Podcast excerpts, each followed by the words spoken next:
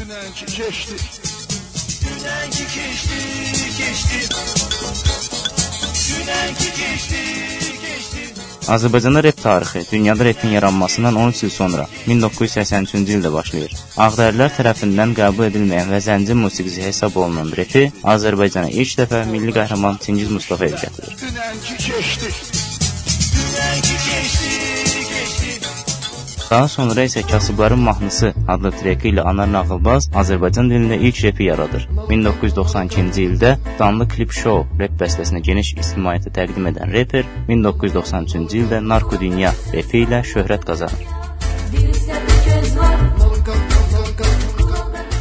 Həmin ildə Anar Nağılbaz ilk rep albomunu da musiqi bazarına çıxarır. Gözləniləndən daha çox satış əldə edən albom Azərbaycanda ilk rep albomu kimi tarixə yazılır. Sonralar reperin səhər olmayacaq, keçdi günlər, o qızı görən olubmu, zaman o zaman deyil, dost, iç xəbər və s. kimi tanınmış rep bəstələri işıq üzü görür.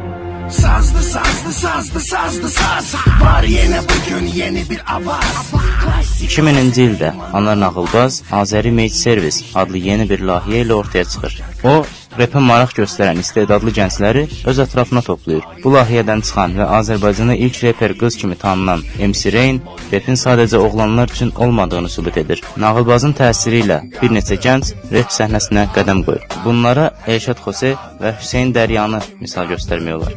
Azdır, azdır, azdır, hər şey bizə azdır. Kim xan, kim qazdır, Elşad Xose yaradıcılığına 1995-ci ildə başlayır. Reperin Canlı Yayım, Plagiat, Hər atdığım addım kimi məşhur albomlar işıq üzü görür. Hüseyn Dəriyə isə məşhur Keyf elə treki ilə insanların yaddaşında qalmağı bacarır. Keyf elə, nə qədər ki sağsan, nə qədər ki vardır,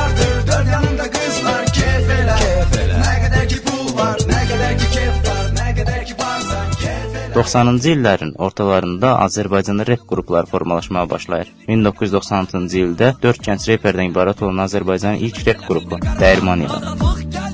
Azərbaycanın bəzi xalq və uşaq mahnılarını rep üslubunda remix edən Dəyirmanın ən uğurlu treklərindən biri Ya Qarabağ ya ölüm olur. Ya Qarabağ ya ölüm başqa yol yox artıq, yol yox artıq. Ya Qarabağ ya ölüm. Daha sonra Dəyirman qrupu bu treklə vətənpərvər musiqi yarışmasında qalib olur. 2004-cü ildə Azərbaycanda ilk rep teli layihəsi Məndə varam başlayır. İlk müsabiqəyə 32 nəfər həvəskar reper qatılır ki, Bunlardan biri də sonralar rep sahəsində uğurlu işlərə imza atacaq Uran olur. Dəniz kənarı park, bulvar, burada boş skameykalar uşaqlar üçün yerləncə, gənclər üçün əyləncə yerləri var. Uran yaradıcılığa 2001-2002-ci illərdə başlayır. 2005-ci ilin aprel ayında ikinci dəfə baş tutan Mən də varam layihəsində Uran ikinci yerin sahibi olur. Elə həmin ay Uranın Hörmətlə Uran adlı ilk solo albomu işığı görür. Albomda yer alan Kor Zabit, Sadə qız, Hörmətlə Uran, Oğlan ol trekləri dinləyicilər tərəfindən sevilir. Mən də varam layihəsindən sonra uğur qazanan gənc reperlərdən biri də hazırda gənclər arasında Promete kimi tanınan Pərviz İsaqov olur. Pərviz yaşadığı Sumqayıt şəhərində repin inkişaf etməsi məqsədi ilə 4 nəfər dostu ilə birlikdə 2004-cü il noyabrın 1-də SRB Sumqayıt Rep Birliyi adlı rep qrupunu yaradır. Havalan, qanadlan, qanadça Deyil heç bir sətir Səbəbsiz hər bir sətir üçün səbəb var Sən səbəbkar, mən hadisə Səhrada rast gəldim o əzizə 2005-2006-cı illərdə isə Baku Klan adlı rep qrupunun əsası qoyulur. Baku Klan qrupunda uşaqlıq dostları Qaraqan, Camaləli, Falan Decur, Fek, Errant bir araya gəlirlər. Sənsiz qrupun ilk hitlərindən olur. 2007-ci il fevralın 13-də Bakı klan üzvləri ilə yaxın dostluq əlaqələrinə malik olan Prometenin də iştirakı ilə Host Alliance adlı rep qrupu yaradılır. Bu birliyə elə həmin dost əhatəsində olan Dərviş və Aid də qoşulur.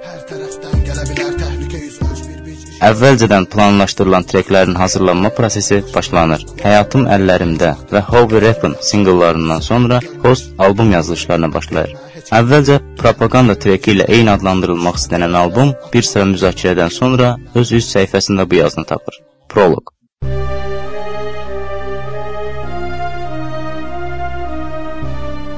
Daha sonralar özünə böyük dinləyici kütləsi toplayan host, azad hostçular, mən və sən, qarada qırmızı, bayraq və başqa ifalar ilə gündəmdə qalmaq bacarır.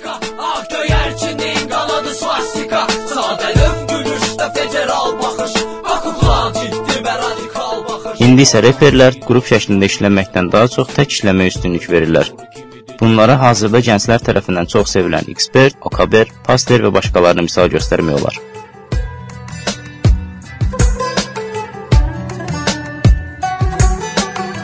Bu əsərlərə dramatikliyi bəxş edən cəsədlər Verilən boş vədlər deyil yazdığım əsərlər Cənazələr cismindəki Cavid Nurəliyev